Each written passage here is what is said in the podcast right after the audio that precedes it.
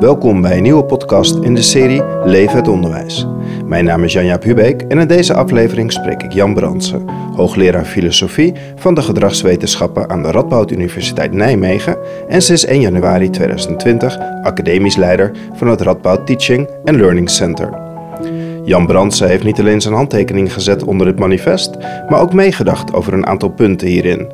Ik spreek Jan Brandsen over zijn kijk op de beweging van controle naar vertrouwen, waarin bestuurders expliciet aangeven om vanuit vertrouwen te willen werken. Het betoog van mijn verhaal is dat, hoe je het ook wendt of keert, vertrouwen begint altijd met het accepteren van de kwetsbaarheid die erbij hoort. En die kan je niet afkopen door betrouwbaarheid te willen verankeren in iets anders dan vertrouwen. Dus, dus al mijn werk gaat eigenlijk over het, het kantelen van de mentaliteit. Nog, nog niet eens het kantelen van de, van, de, van de praktijk, van dat wat we met elkaar doen. Want die is altijd gegrond in een mentaliteit. Het Onderwijs is een beweging van schoolbestuurders die geloven in een nieuwe manier van besturen. Van moeten naar mogen, van controleren naar vertrouwen, van wat kan niet naar wat kan wel. Welkom Jan in de podcast. Dankjewel. Leven het Onderwijs. Het is een mooi manifest geschreven. Ik ben heel benieuwd waarom, waarom staat jouw naam daaronder Jan? Ja, ik, ehm, hoe het begon was dat ik Helma van der Voren tegenkwam toen het boek Onderwijsvragen van, eh, van Claire Boonstra en Company eh, verscheen. En daar was Helma en daar was ik ook. En daar kwamen wij aan de praat. En toen bleek dat zij eh, dat manifest wilde, van start wilde laten gaan. Dus ze hadden net een, een startmanifestatie georganiseerd. En, en zij vroeg of ik wou komen. En ik heb wel wat werk gedaan op het gebied van vertrouwen.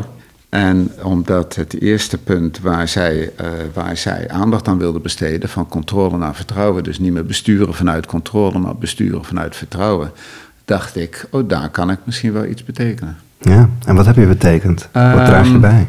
Die, die, die tekst is opgesteld geweest en één thema wat bij mij een rol speelt bij vertrouwen is dat ik betoog dat vertrouwen eigenlijk uit drie onderdelen bestaat. Toevertrouwen, dus, dus, er is een taak en iemand moet het doen, we maar zeggen. Dus je bent met jongetjes aan het voetballen op straat en iemand moet de keeper zijn. Dus dan vertrouw je ook die rol van keeper aan iemand toe. Um, en als je dat dan eenmaal toevertrouwd hebt, moet je niet gaan zitten zeuren als die doet met de doorlaten enzovoort, want dan had je het maar zelf moeten doen. Dus toevertrouwen is een belangrijk gegeven. Dat brengt ook met zich mee dat, dat verantwoordelijkheid bij iemand komt te liggen. En toevertrouwen is wel aardig, maar een tweede onderdeel wat bijna altijd erbij komt is betrouwbaarheid. Dus je wil ook niet alleen maar een keeper aan wie je iets kan toevertrouwen, maar je wil ook een betrouwbare keeper, zodat je ook weet waarom je het aan hem of haar kunt toevertrouwen. Betrouwbaarheid gaat heel vaak functioneren als een voorwaarde voor toevertrouwen. En dan gaat er ook iets mis. Want als je uh, iemand alleen maar iets durft toe te vertrouwen als je al weet dat hij betrouwbaar is, dan ga je eigenlijk voeding geven aan wantrouwen. Omdat je, als je wil beginnen met betrouwbaarheid, met het vaststellen van de betrouwbaarheid, dan probeer je te ontkomen aan wat mij betreft het derde onderdeel van vertrouwen. Dat is namelijk kwetsbaarheid.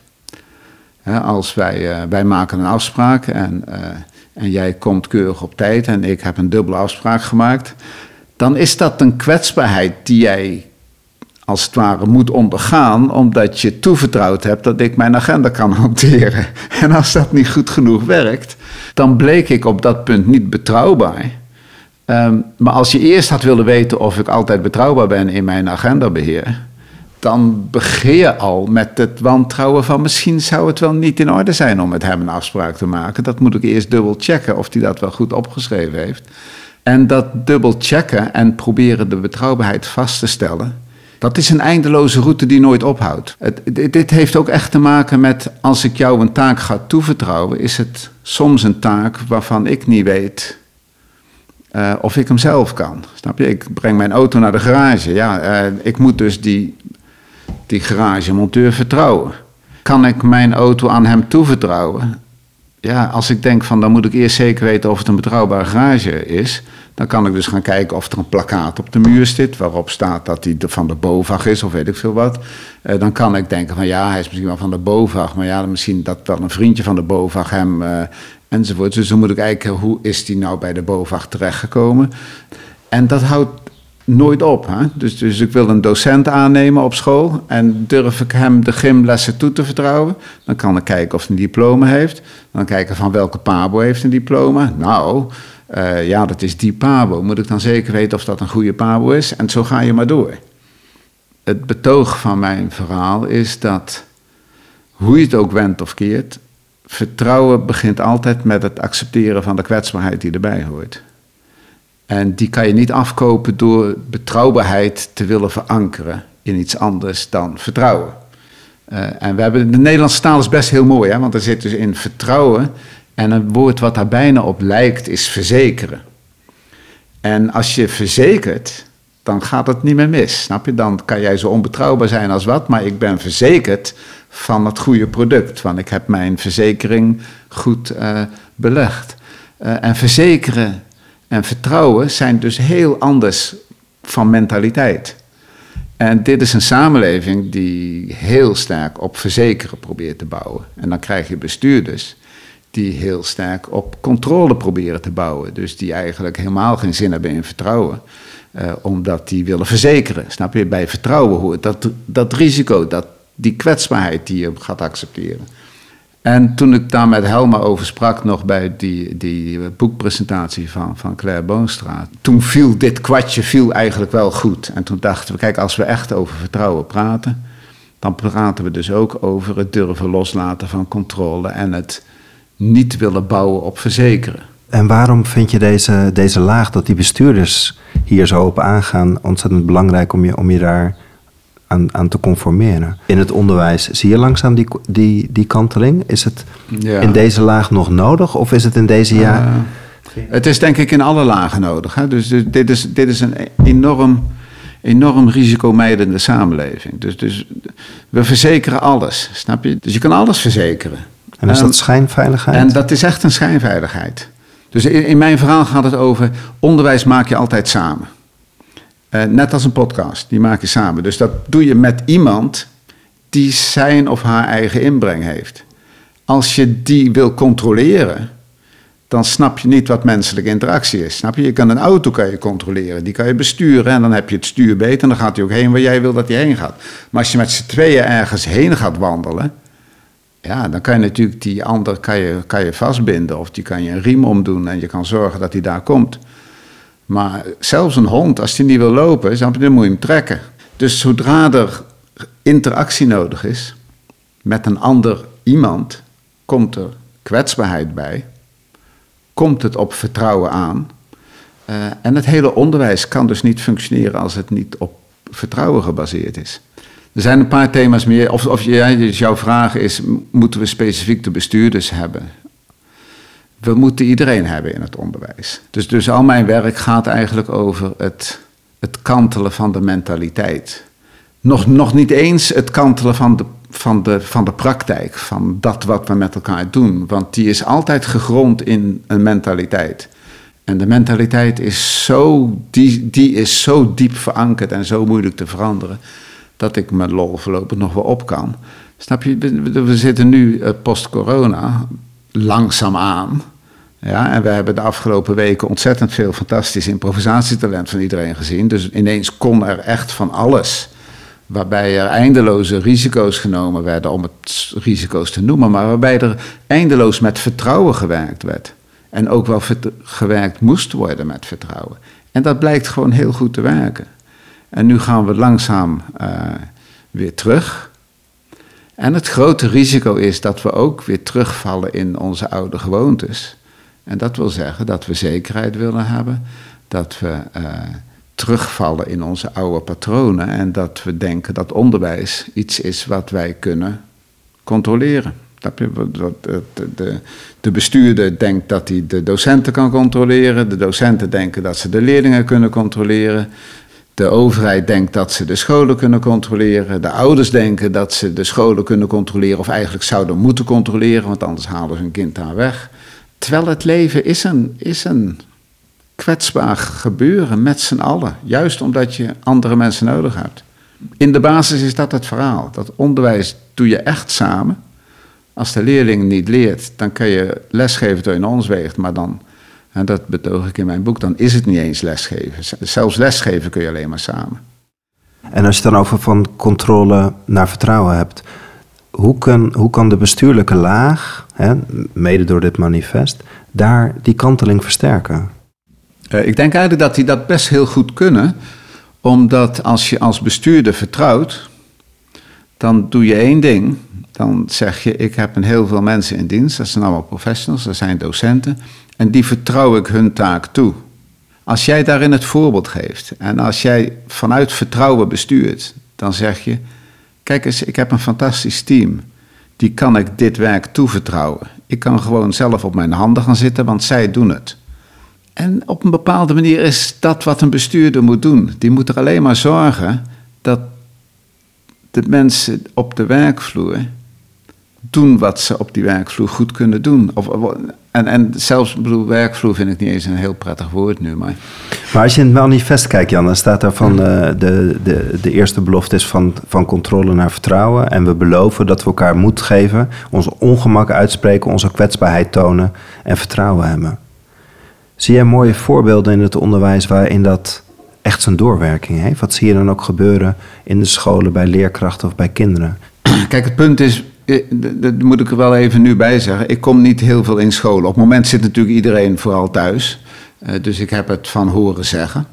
Als ik uh, dit soort dingen vertel. Ik zie wel in de eigen universiteit dat daar van alles ook gebeurt. En ook, ook te maken heeft met je ongemak ook uitspreken en je kwetsbaarheid accepteren en vertrouwen. Uh, het zit hem bijvoorbeeld in het online uh, toetsen afnemen.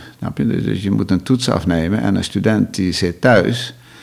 Um, en die kan natuurlijk op zijn mobiel met een WhatsApp-groep uh, overleggen over de antwoorden als hij zou willen. Ook een tentamen doe je met elkaar, docent en student. En tentamens zijn typisch van die onderwijsactiviteiten waarin de partijen tegen elkaar opgezet worden. Dus de, de docent die moet op de fraude letten. Dus de student die, die wordt alleen maar vanuit wantrouwen benaderd. En de student die denkt, ja, die docent uh, die zit de hele tijd op te letten. En uh, die komt nu uh, met corona mijn privacy binnen. Dus die, die, die kleineert mij, die durft mij blijkbaar niet te vertrouwen. En die wil allerlei dingen zien die ik hier doe. En dat doe ik helemaal niet. Maar omdat het een, een format is geworden waarin iedereen vertrouwd is geraakt met dat toetsen een kat-en-muisspel is. En dat komt nu met corona komt dat zo mooi naar voren. En moet je eigenlijk allebei je ongemak hierover uitspreken. En moet je als docent zeggen, maar ik wil jou ook eigenlijk vertrouwen. Ik wil eigenlijk dat jij een toets gebruikt als een moment waarop je kunt laten zien wat je waard bent. En dat die uh, student dan zegt, uh, dat wil ik ook graag laten zien. Uh, maar daarom wil ik ook niet dat je zo diep mijn privacy ingrijpt, want dat is helemaal nergens voor nodig. Ik ga gewoon laten zien wat ik waard ben, want ik heb hiervoor gestudeerd. Uh, natuurlijk zijn er allerlei omstandigheden, dus maatschappelijke omstandigheden, die maken dat de oppositie tussen student en docent best groot gemaakt blijft worden, omdat er altijd van toetsing weer zoveel afhangt op toetsen, toetsen is eigenlijk een heel mooi thema waarin je kunt laten zien dat de interactie tussen student en docent iets ongemakkelijks heeft. Want in de toets ben je als docent zowel begeleidende docent als beoordelende examinator. En dat is een ongemakkelijke combinatie. En als leerling of als student ben je ook tijdens de toets iemand die weet dat die beoordeeld gaat worden. Dus dat brengt een soort van onveiligheid met zich mee. Uh, die je niet versterkt wil hebben met camera's die naar jou kijken, maar die je op, op een of andere manier moet toelaten als iets wat waar is. Want je bent een leerling, dus je bent het nog aan het leren. Tegelijkertijd ben je iemand die nu gaat laten zien wat hij geleerd heeft. Als je een muziekinstrument speelt, dan is de uitvoering is natuurlijk ook spannend. Want je gaat iets laten zien, maar als je de uitvoering gaat beleven als een toets, dan wordt het waardeloos. Dus, dus die, dat ongemak dat daarbij zit, vind ik, vind ik wel mooi dat je als docententeam en als bestuurder accepteert dat je zegt, ja, in, in het toetsmoment van een opleiding zijn wij met z'n allen ongemakkelijk. Als je dat al durft accepteren met elkaar, is er denk ik al heel veel gewonnen. Komen we eigenlijk een beetje op het tweede punt, toch? Op die intrinsieke motivatie. Ja, dus, dus in, in het manifest van leven, het onderwijs zit inderdaad, het draait het om intrinsieke motivatie. Uh, dat, het, eigenlijk is het een veel te moeilijk woord voor doodgewoon uh, zin hebben in wat je aan het doen bent en zinnig vinden wat je aan het doen bent. Uh, dus de rol die jou toebedeelt, dat is de manier waarop ik over dit soort dingen nadenk. Hè? Dus, je, dus je hebt een rol. In het tentamen, laten we het tentamen nog even volhouden. En we hebben de student en de docent en die voelen zich allebei ongemakkelijk, want er is hier iets aan het gebeuren wat spannend is en waarin er iets beoordeeld wordt, maar tegelijkertijd willen we vertrouwen enzovoort enzovoort. Vergelijk het met, met een uitvoering als muzikant. Ja? Als jij wil laten zien dat je kunt spelen, dan wil je dus ook spelen dan wil je ook laten zien wat je kunt. Als je alleen maar wil spelen omdat je daarna uh, eh, 50 euro krijgt, want dat heb je met het café afgesproken, dan is er al heel iets anders aan de hand. En dus, geld is natuurlijk heel gemakkelijk gedacht als extrinsieke motivatie. Maar ook in toetsen zit heel veel extrinsieke motivatie. Je moet je studiepunten bij elkaar sprokkelen. Kijk, je kunt eigenlijk, studenten en docent, allebei kunnen ze niet functioneren als ze niet op een of andere manier wat ik net zei, eh, er, er zin in hebben. Maar dus zin is ook hier een mooi woord, omdat ze als het ware de zinvolheid ervan zien. En dus ook gemotiveerd zijn om een doelverhouding te hebben. Dit is wat mijn doel is, om nu te laten zien wat ik waard ben. Ehm, en gericht op dat doel krijg je in het geval van toetsen ook de prachtige spagaten te zien, omdat er veel te veel doelen altijd aan toetsen vastzitten. Dus als student wil ik inderdaad laten zien wat ik waard ben, maar ik wil ook die 5 EC halen. Dus ik heb twee doelen die niet gemakkelijk met elkaar compatibel zijn, want die zitten in een ander redeneringskader. En de opleiding als docent wil ik natuurlijk dat mijn student excelleert. Dat ik kan zien dat hij het allemaal opgepikt heeft. En dat ik weet dat dit een goede student is, die dus een acht waard is. En dan baal ik ervan als hij uh, s'avonds een baantje heeft gehad of heeft nog uh, zitten stappen en hij dacht een zes is goed genoeg, want het gaat maar alleen maar om die EC. Snap je? Dus een goede student die met een zes wegkomt, dat is ook weer een, een kwetsbaar risico dat je als docent loopt en waar je ontevreden over bent. Omdat je ook wil dat die docent excelleert. Tegelijkertijd moet jij ook beoordelen. Dus ook de docent zit met verschillende doelen. Je kunt een goede opleiding maken door helder te zijn over de doelen. En die noemen dan ook nog leerdoelen. Maar de leerdoelen zijn heel vaak doelen van de opleiding en niet van de student. En je hoopt natuurlijk dat die docent invoegt in de leerdoelen van de opleiding. Uh, maar ja, dan, dan ben je misschien te naïef over het idee dat er gewoon maar één doel is wat hier op dit tentamen het doel is dat we gaan proberen te bereiken. Er zijn er gewoon minstens vier.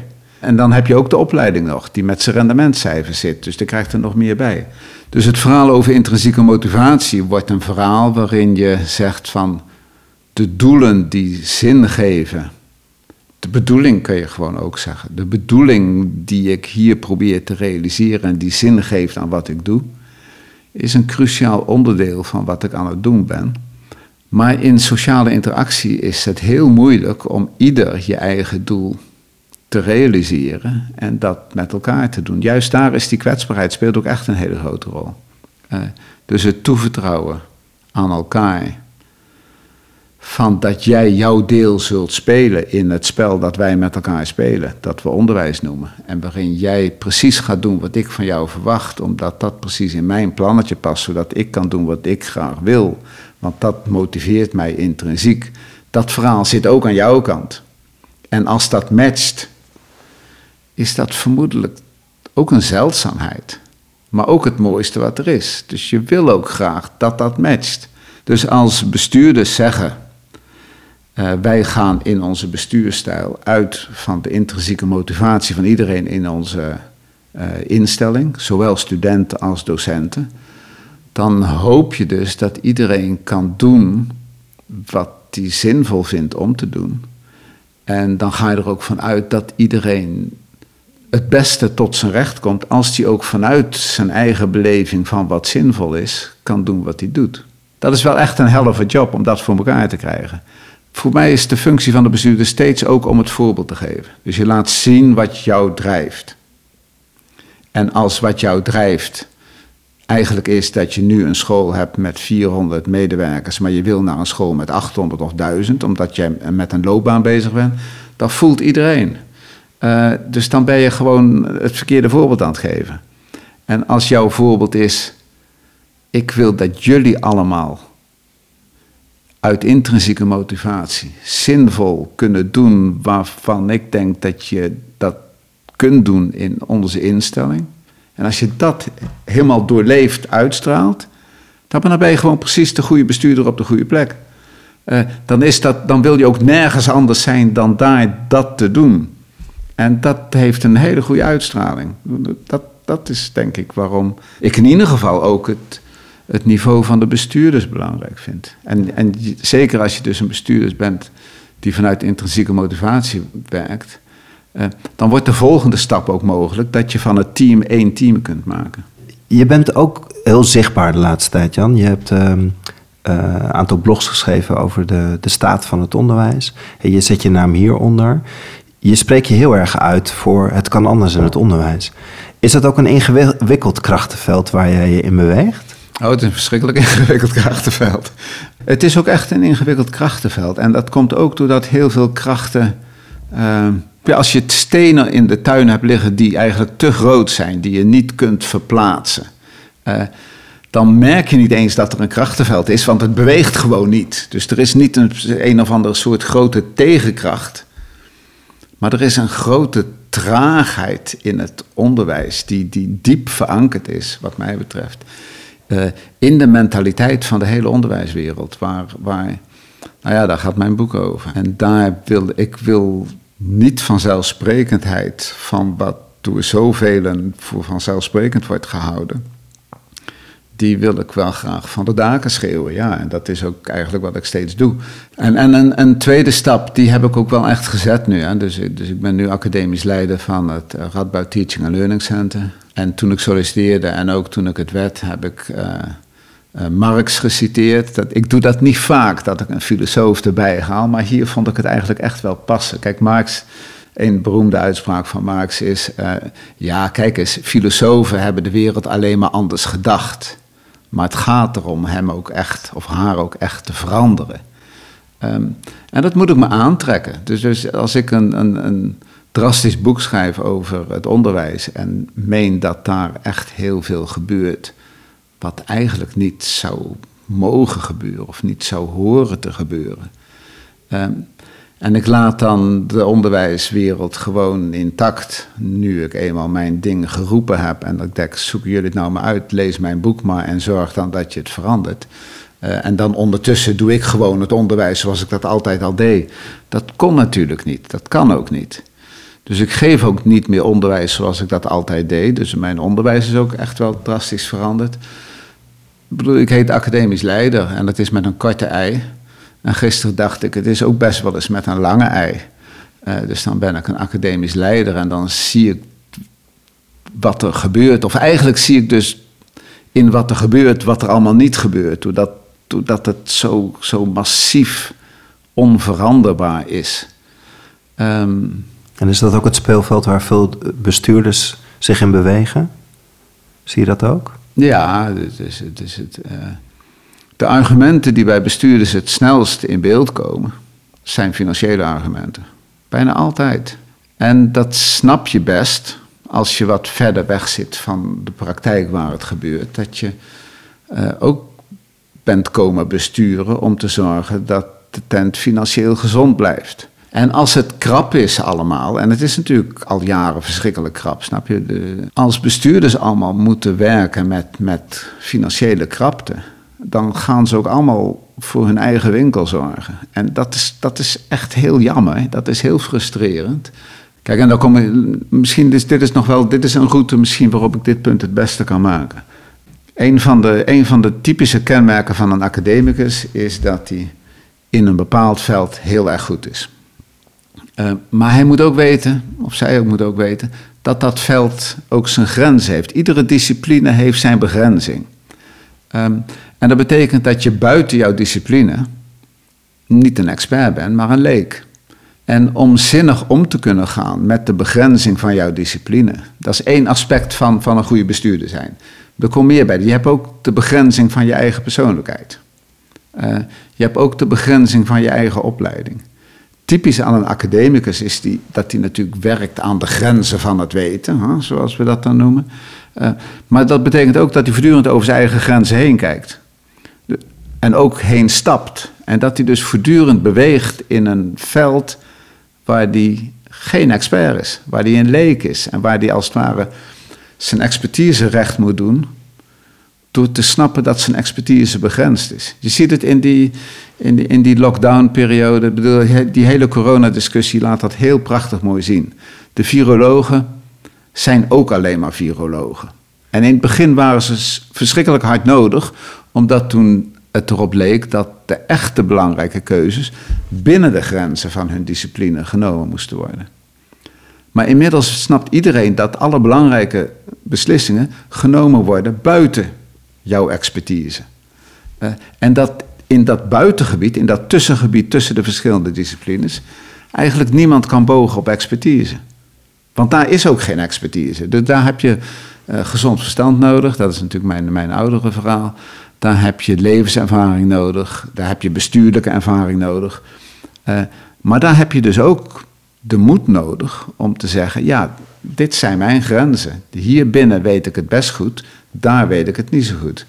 Um, en als je buiten jouw grenzen komt en je zegt: het enige wat ik kom doen is mijn grenzen verdedigen. Dus de enige argumenten die voor mij tellen zijn mijn financiële argumenten, want ik wil binnen de grenzen wil ik financieel gezond blijven. Uh, dan gaat er niet veel goeds in de instelling op instellingsniveau. Dus, dus geld speelt een behoorlijk kwalijke rol, vind ik, in het bestuurlijk werk, omdat die, omdat die de goede argumenten altijd uit beeld duwen. En in hoeverre speelt de wetenschap een belangrijke rol erbij, ook voor die bestuurders? Wordt vaak gezegd, hè, dus die scholen die die kanteling maken, is dat wel wetenschappelijk onderbouwd? Dat boek waar je het net over hebt van Claire Boonstra, is daar helemaal op gestoeld om het ook te onderbouwen. En ook te laten zien dat het onderwijs, het traditionele onderwijs wat er is, wetenschappelijk onderbouwd niet werkt, maar toch doen we het. Ja. Hoe kijk je daarnaar? Ja, daar kijk ik, ik kijk daar behoorlijk kritisch naar. En dat, dat heeft. Kijk, mijn leerstoel is filosofie van de gedragswetenschappen. Dus eigenlijk is mijn leerstoel eentje die over die, die wetenschapsfilosofisch van aard is. Um, dus ik doe veel wetenschapsfilosofie. En, en je kunt misschien, de, de snelste route is eigenlijk deze. Te zeggen, kijk, een wetenschapper is voor een deel een deskundige en voor een ander deel een wetenschapper. En als hij op de stoel van deskundige zit, dan gaat hij vertellen wat hij allemaal weet en wat allemaal wetenschappelijk bewezen is en wat het geval is. Uh, en als die wetenschapper is, is hij eigenlijk vooral onderzoeker. En wat kenmerkend aan een onderzoeker is, die heeft het nog niet gevonden. Snap je? Die is nog aan het zoeken. Um, dus een onderzoeker weet het eigenlijk nooit. Maar je hebt natuurlijk wel je, je ervaring met hoe je onderzoek doet. Het mooie is dat al die mensen in de universiteit zijn allemaal onderzoekers. Dus ze weten allemaal echt vanuit hun hart wat het is om een onderzoeker te zijn. Om het niet te weten. Om te zoeken naar hoe, hoe krijg ik mijn vraag zo dat ik stappen vooruit kan zetten.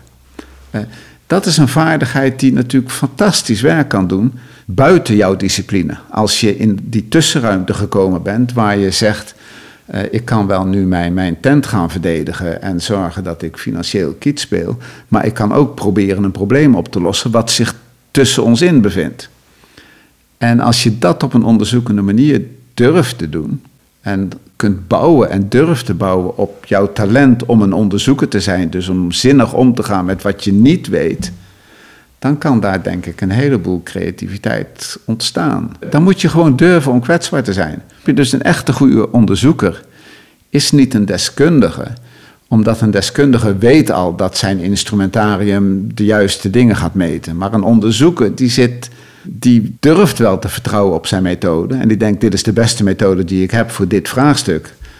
Maar als hij het antwoord al weet, snap dan is hij niet echt aan het onderzoeken. En als hij uh, echt aan het onderzoeken is, dan kan hij ook een deksel neus krijgen. En dan kan hij ook ontdekken dat het niet zo was als hij dacht dat het was, of dat het nog veel gekker is. En die onderzoekende geest, die, die, die ontdekkingsreizigersgeest, vind ik een veel mooiere dan de deskundige geest, die soms ook in de wetenschap rondhangt. En, en, en je ziet hem, dat moet ik toch maar even zeggen, ja, want het is vaak zo dat uh, de mensen die in onderwijsland om het hardst roepen dat dit toch allemaal wetenschappelijk wel onderbouwd moet worden, zijn mensen die veel liever en veel sneller op de stoel van de deskundige gaan zitten dan op de stoel van de onderzoeker.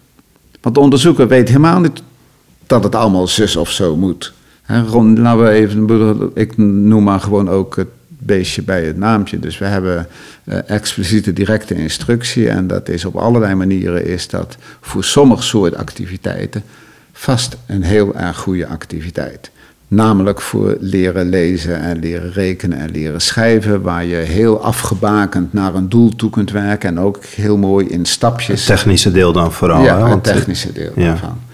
Daar zou je kunnen zeggen, uit onderzoek is gebleken dat, of uit onderzoek weten wij dat. En dan vergeet je ook een beetje wat onderzoek was. Want dan doe je net alsof onderzoek het uitroepteken is achter een bewering. Maar onderzoek is nu eigenlijk altijd het omgaan met de vraag. Hè? Met het vraagteken en niet met het uitroepteken. Dus je kunt de rol van deskundige innemen. En dan zeg je, nou, sommige dingetjes kunnen we wel. Uh, en met die expliciete directe instructie kunnen we inderdaad heel goed leren lezen. Maar kunnen we met expliciete directe instructie ook hele goede filosofen opleiden? Nou, ik kan je vertellen dat dat niet gaat lukken. Als laatste vraag, wat hoop je dat dit manifest brengt? Ja, ik steun de goede initiatieven, maar ja, wat is mijn, snap je hoeveel mijn naam waard is onder dat manifest? Dat weet ik ook niet. Snap je, een manifest kan ook gewoon een stuk papier zijn of, eh, of, een, of een stukje podcast, wat wel leuk klinkt, maar waar verder niemand iets mee doet. Dus het gaat er vooral om dat de mentaliteit van de mensen die dit manifest onderschrijven, snap je, die mensen hebben die mentaliteit niet gekregen door het manifest. Ehm, en de kans dat sommige mensen die mentaliteit gaan ontwikkelen dankzij het lezen van dat manifest is denk ik ook behoorlijk klein. Maar de mensen die zich herkennen in dit manifest hebben een, een, sluimerend, een sluimerende mentaliteit die goed is voor het onderwijs. En laat die maar aanwakkeren. Je kunt dit soort dingen niet van bovenaf eh, de wereld in helpen. Maar, maar het is een dubbele beweging. Dus van bovenaf ga je luid op de trom slaan en een hoop herrie maken. En van onderaf is er een, een, een onderstroom die, die, die resoneert met wat er van bovenaf geroepen wordt. En die resoneert op heel veel plekken. Dus er zijn, er zijn duizenden plekjes in Nederland waar, waar interessant onderwijs probeert te bloeien. Nou, als je die kunt combineren en als je die als het ware harder kunt laten of beter kunt laten trillen op hun eigen plek, doordat dit manifest er is, dan komt die kanteling nog wel een keer. Jan, dankjewel voor het gesprek. Graag gedaan. Leef het onderwijs deelt kennis en expertise, doet wetenschappelijk onderzoek naar een nieuwe manier van besturen. Leef het onderwijs is een beweging van verschilmakers in het onderwijs die samen zorgen dat leerlingen zich optimaal kunnen ontwikkelen meer informatie of podcastafleveringen zijn te vinden op www.leefhetonderwijs.nl.